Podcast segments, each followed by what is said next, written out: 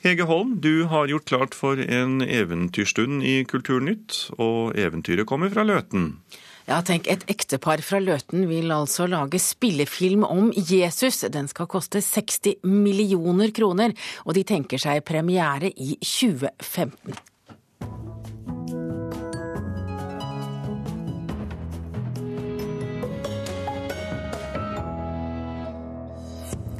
Og Kulturnytt har flere saker i dag. Munch-entusiaster har samlet seg til kamp for museum i Bjørvika. Black metal-fans fra hele verden strømmer til Oslo og Inferno-festival i påsken. Og Erik Larsson lykkes med sin roman om dagliglivet under nasjonalsosialistene i Tyskland, mener vår anmelder. Velkommen til Kulturnytt denne onsdagsmorgenen. Jeg heter Hege Holm. Og aller først skal vi altså til et ektepar fra Løten som vil lage musikalfilm om Jesus til 60 millioner kroner. Og innspilling starter til høsten. Er det bra med deg? Ja. Jeg er på kjøkkenet til Elisabeth og Robert Muren i Nordbygda i Løten i Hedmark. I sju år har det kristne ekteparet jobbet med det som kan bli en av norgeshistoriens største filmsatsinger. Det er en musikal. Og siden Jesus Christ Superstar så har det ikke vært en annen musikal, og dette er en helt annen. Ekteparet har skrevet både musikk og manus sjøl. Jeshua er om de siste dagene i apostelen Peters liv. Historien av det som skjer i Roma i år 64, og samtidig så har du da disse tilbakeblikk fra år 33. Ideen fikk de etter å ha satt opp sin egen musikal The Covenant om jødenes historie da de bodde i Israel. Musikalen de har turnert med i 13 land, er sett av flere hundre tusen publikummere. Og vi så responsen, og det var veldig gøy. Men det er klart at eh, skal den bli sett av, flere folk, så, så er det gøy med film. Til å hjelpe seg har de fått kjente internasjonale folk fra filmmiljøet. Produsent blir den amerikanske filmregissøren Tom Newman. Elisabeth Muren blir regissør, mens den amerikanske filmregissøren Roger Young blir koregissør. Jesusfilmen har et produksjonsbudsjett på hele 60 millioner kroner. Det er klart at eh, her i Norge så er man, eh, og spesielt når det er to fra Løten som, som skal samle inn eh, og greie å få til en film til 60 millioner, og det er bare produksjon, så har du da distribusjon etterpå. Men jeg, jeg tror at dette går i boks. Pengene kommer fra utenlandske og norske investorer både i og utenfor kristne miljøer, sier de. Det er et stort budsjett, det er mange penger det. Vi har grunnlagt en stiftelse der det er mange personer med skal si, tro på prosjektet vårt som har vært med å, å, å, gi. Og vi har en gruppe med investorer, så vi, vi, vi tror virkelig at eh, om to måneder så er det meste på plass, at vi kan gi grønt lys. Yeshua. Words Elisabeth og Robert Muren sier filmen ikke skal ha noe spesielt kristen budskap, men være for alle, uansett tro. Det er en film som ikke bare angår de som eh, er kristne eller, tro, eller, liker eller tror, men den er så romslig. Jeg føler måten de forteller det på, blir relevant for folk. Filmen skal spilles inn bl.a. på Malta og i Italia, og blir på engelsk med hovedsakelig britiske skuespillere og sangere. Vi har en liste av folk jeg ønsker, ikke bare skuespillere, men sangere i Europa. Ganske kjente sangere i forskjellige land. Tom Allen, kjent fra bl.a. Passion med Mel Gibson i hovedrollen, skal være med å distribuere filmen i USA. Og han har veldig tro på at dette kan nå langt, så det er klart at vi blir smitta, vi òg. Ekteparet satser på en internasjonal lansering for den kommende filmen om Jesus. Absolutt. Det er jo egentlig der Vårt største marked er jo i USA. Derfor så skal vi bruke hele 2014 på å jobbe med distribusjon. Eh, og så følger vi Tom Allen sin modell, og det samme som de gjorde med The Passion, da, for å distribuere verden over. Går det som de håper, starter innspillinga i høst. Og premiere på den nye Jesus-musikalfilmen blir etter planen påska 2015. De fleste store drømmer har eh, en veldig små begynnelse, og så handler det da om å våge å, å tro at det skal gå bra. Og det var Steines Eide som hadde møtt det optimistiske ekteparet på Løten, Elisabeth og Robert Muren. Og hvis du vil se den fem minutter lange promofilmen de har laget, så kan du gå inn på vår Facebook-side. Og så er jo spørsmålet kan de klare det. Kjartan Ler Salvesen, du er stipendiat ved Høgskolen i Volda, og du underviser i film og populærkultur. Og hva slags prosjekt er det det optimistiske ekteparet på Løten har lagt ut på? Det framstår som et entusiastdrevet filmprosjekt som er startet på utsiden av et etablert filmmiljø, med et ektepar med en drøm om å nå hele verden med et eh, budskap. I starten så fikk de kollekt og forbund fra menigheter, men de har også fått, som det, du sa i, i, i, saken, viktige støttespillere i, i filmbransjen internasjonalt, og en OK finansiering for sånne filmer, i hvert fall i norsk målestokk. 60 millioner kroner, er det mye eller lite? I norsk målestokk er det mye. Du må til Kon-Tiki for å komme vesentlig høyere enn det, men i, på et Hollywood-budsjett så er det relativt uh, lite. Hvor vanlig er denne typen filmprosjekter? Det er det klart vanligste temaet på film hvis du tar filmhistorien under ett. Jesus er verdens største filmstjerne med ca. 170-180 hovedroller og biroller. Da sier det seg selv at det er mange filmer av mindre skala som ikke når kino.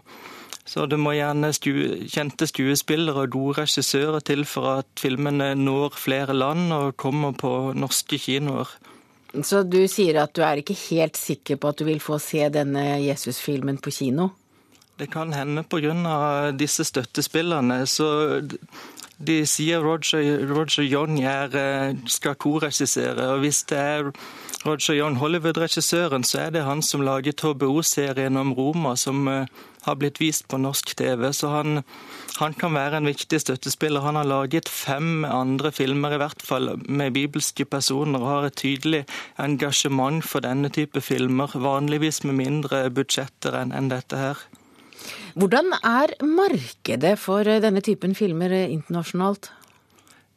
Jeg tror de har rett når de sier det, at eh, USA sikkert er det største markedet, men både Latin-Amerika og også Asia og Europa så slår sånne filmer ofte relativt, relativt, godt an.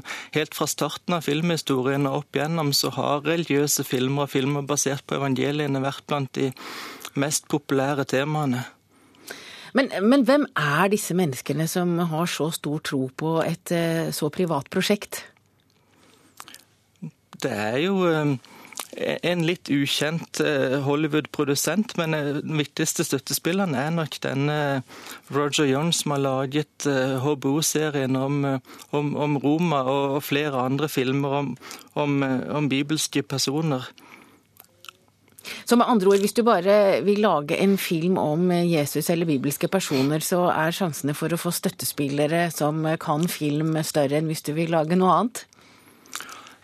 Helt klart, Jeg tror støttespillerne er helt avgjørende for å, for å åpne markedene for, for, en sånn film. og Da skjer det nok også noe med selve filmprosjektet. Som jeg sa, så begynte det å, med en drøm om å nå verden. I tidlige intervjuer de ga om denne saken, så nevnte de en inspirasjon fra en eh, Jesus-film fra 70-tallet, The Jesus Film Project, som har blitt vist i Misjon. Det ble sagt at den er blitt vist for en milliard mennesker, og at 225 millioner har blitt kristne. Så det virker som det var basis for drømmen, men så skjer det en, en endring når, eh, når, eh, når, man får finansiering, når man får viktige støttespillere som eh, som de sa i saken, så skulle dette nå være en film som hadde litt for alle av ulik tro. Det skal være en, en romslig film. Så fra drømmen starter til det blir en realisert film, så endrer prosjektet seg. Så endrer kanskje budskapet seg også. Det blir en film og en frelser som blir markedstilpassa. Eh, det ser man i flere sånne filmer som har blitt laget før i historien. Så får vi se hva som skjer. Takk til deg, Kjartan Ler Salvesen, stipendiat ved Høgskolen i Volda.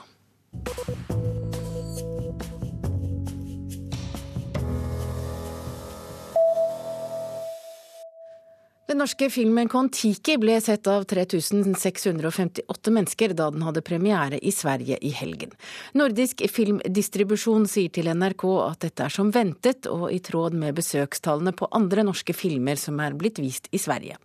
Kon-Tiki har fått flere dårlige kritikker i Sverige, og en av Sveriges mest kjente regissører, Roy Andersson, kalte den for elendig. Kon-Tiki ble sett av over 850 000 nordmenn i fjor. Filmfestivalen i Las Vegas trekker tilbake prisen til A Landscape of Lies. Som Kulturnytt fortalte i går, er dette en lavbudsjettfilm som ble laget for å dekke over en skattesvindel. Fem personer er i London dømt til flere års fengsel for å late som om de skulle lage en storfilm. Når svindelen var i ferd med å bli oppdaget, laget de A Landscape, A Landscape of Lies, og den fikk altså en pris i Las Vegas i fjor. Festivalen understreker at prisen nærmest ble tildelt bare for deltakelsen, og ikke så mye for kvaliteten.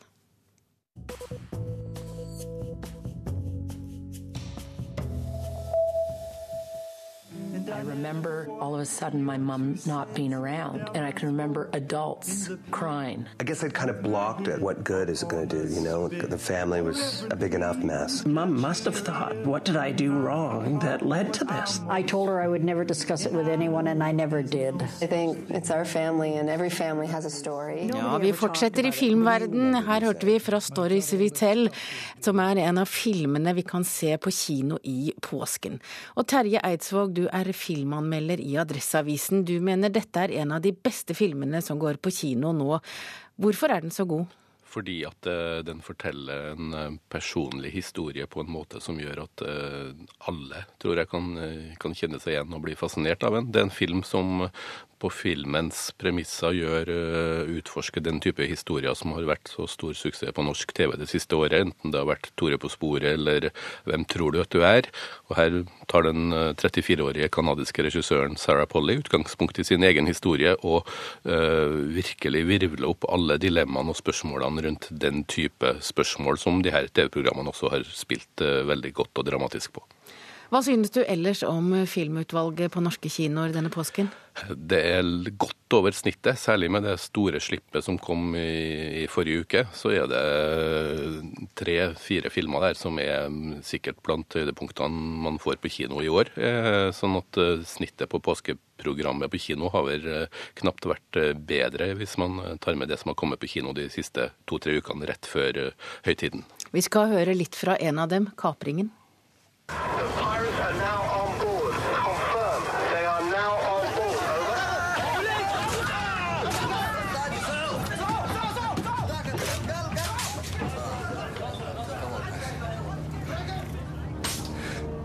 My ship, it's my crew, it's my job to bring back my men. If you make one mistake on the end of that phone, these people could be hurt or even killed because of you. Ja, her hører vi fra den danske filmen 'Kapringen'. altså. Hva synes du om den? Den er i kategorien som kalles, kan kalles uh, ubehagelig virkelighetsnær. Dette er da en eh, dansk film som uh, er en fiksjon om uh, et dansk skip som blir kapra utenfor Somalia. Nå har det vel i løpet av de siste to årene vært to store gisselepisoder som har involvert dansker i, i det farvannet.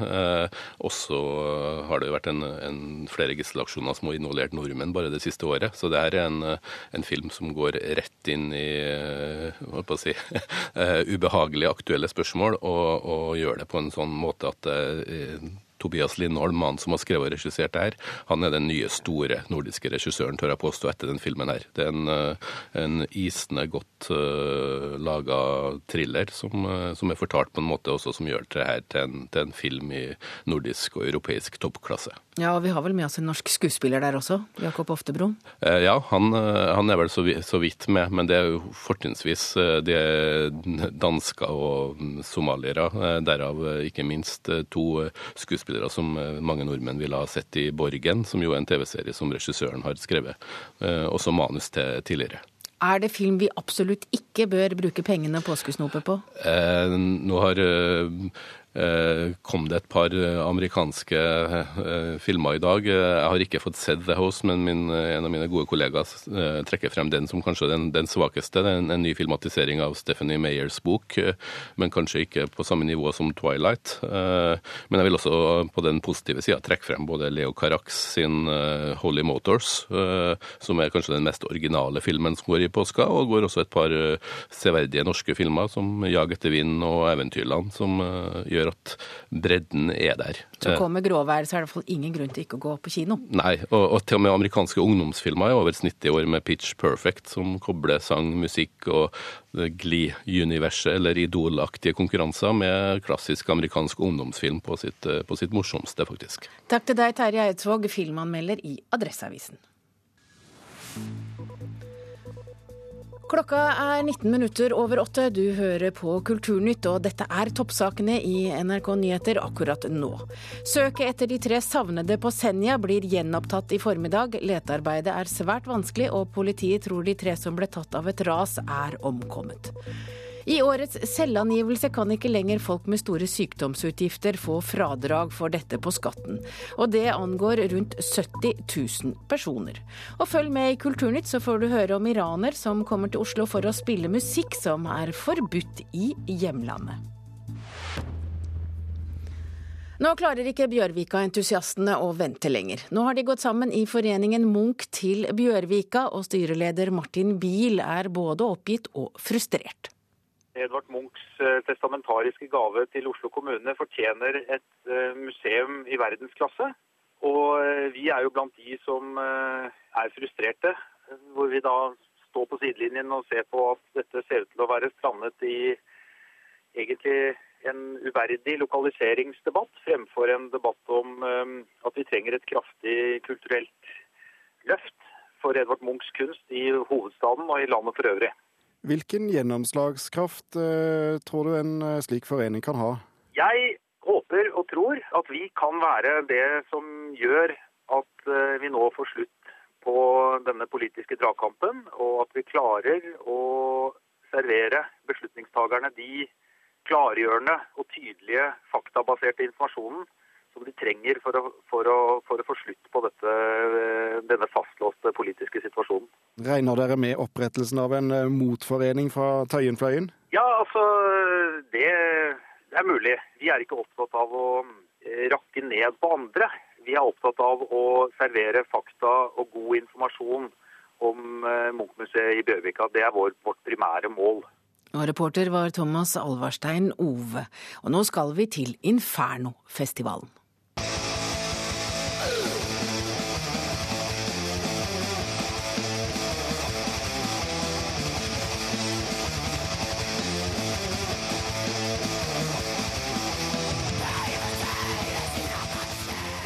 Hver påske kommer folk fra hele verden for å høre ekstremmetallmusikk under Inferno-festivalen i Oslo.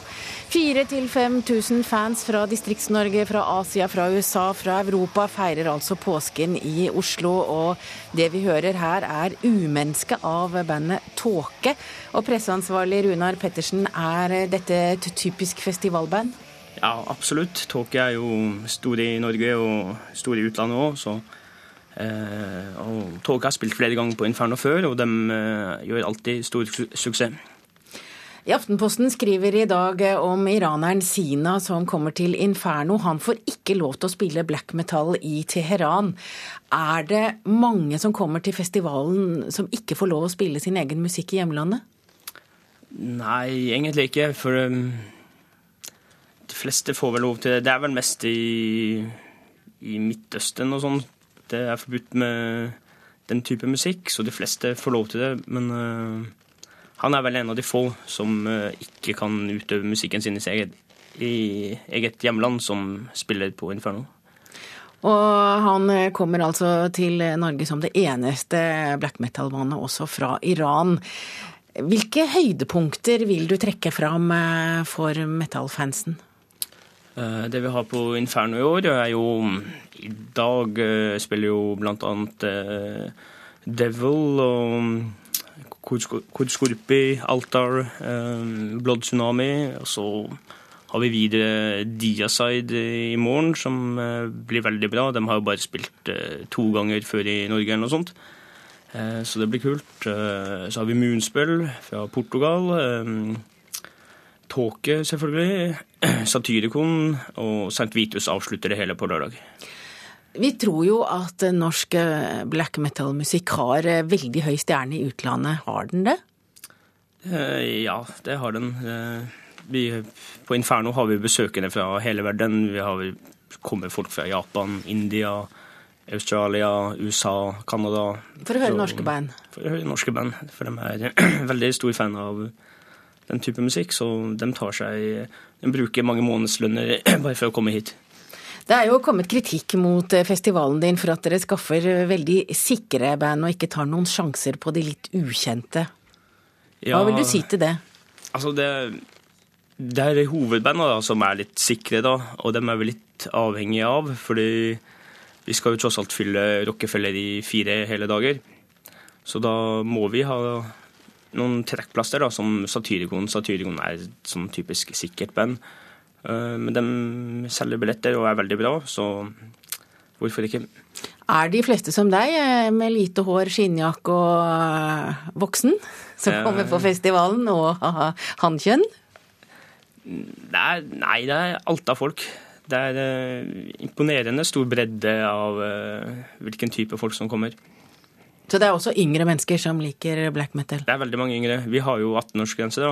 Uh, og det er jo mange under her som også ønsker seg inn, men uh, ja. Det er veldig mange yngre. Hva er det du gleder deg mest til? Uh, jeg gleder meg personlig mest til Diaside. Absolutt. Fordi? Det er jo et legendarisk death metal-band som de starta på slutten av 80-tallet under navn Amon. Og så har de vært liksom en av de viktigste death metal-bandene opp gjennom årene. Og de holder fortsatt uh, koken bra og spiller veldig hardt og brutalt.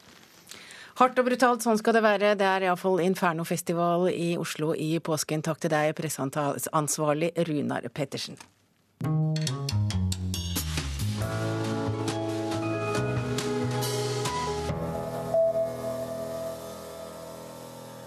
Hvordan var egentlig dagliglivet i Tyskland under nasjonalsosialistenes første år ved makten? Den amerikanske journalisten Erik Larsson har forsøkt å fange stemningene, lydene og luktene fra den tyske hovedstaden. Det mener vår anmelder Knut Hoem. Alarmklokkene ringer fra første side i den amerikanske journalisten og forfatteren Erik Larssons dokumentardrama om ambassadøren William E. Dodd og hans familie sitt opphold i Berlin i 1933. Jeg sier dokumentardrama i mangel på bedre betegnelse, for Larsson skriver en form for litterær sakprosa med et sånt driv at man skulle tro han hadde funnet på alt sammen. Men alt har hendt. Den amerikanske presidenten Franklin D. Roosevelt endte opp med å utnevne historieprofessoren Dodd, da andre mer ønskete kandidater takket nei. Med seg på båten fra New York hadde han kone, sønn og datter og en ærverdig gammel Chevrolet. Den norske tittelen I dyrets buk fanger ikke helt originaltittelens doble betydning. In the Garden of Beasts er ikke bare en henvisning til en følelse av å være fanget i et mareritt av irrasjonale handlingsmønstre. Det er også parken Tiergarten, som i tidligere tider inneholdt ville dyr. Både ambassadøren og hans datter Martha bruker mye av det første året i Berlin på å forsøke å forstå og unnskylde maktovergrepene til Hitler-regimet, og til de mange SA-troppene som patruljerer gatene og pryler alle som ikke skynder seg å gjøre Hitler-hilsen. Først når Hitler tar et oppgjør med SA-sjef Ernst Røhm og myrder flere hundre av hans støttespillere i det som senere er blitt kalt De lange knivers natt, begynner det å demre for ambassadørfamilien. Det er en fantastisk fortelling Erik Larsson har prestert, som overgår det meste jeg har lest i dokumentarsjangeren.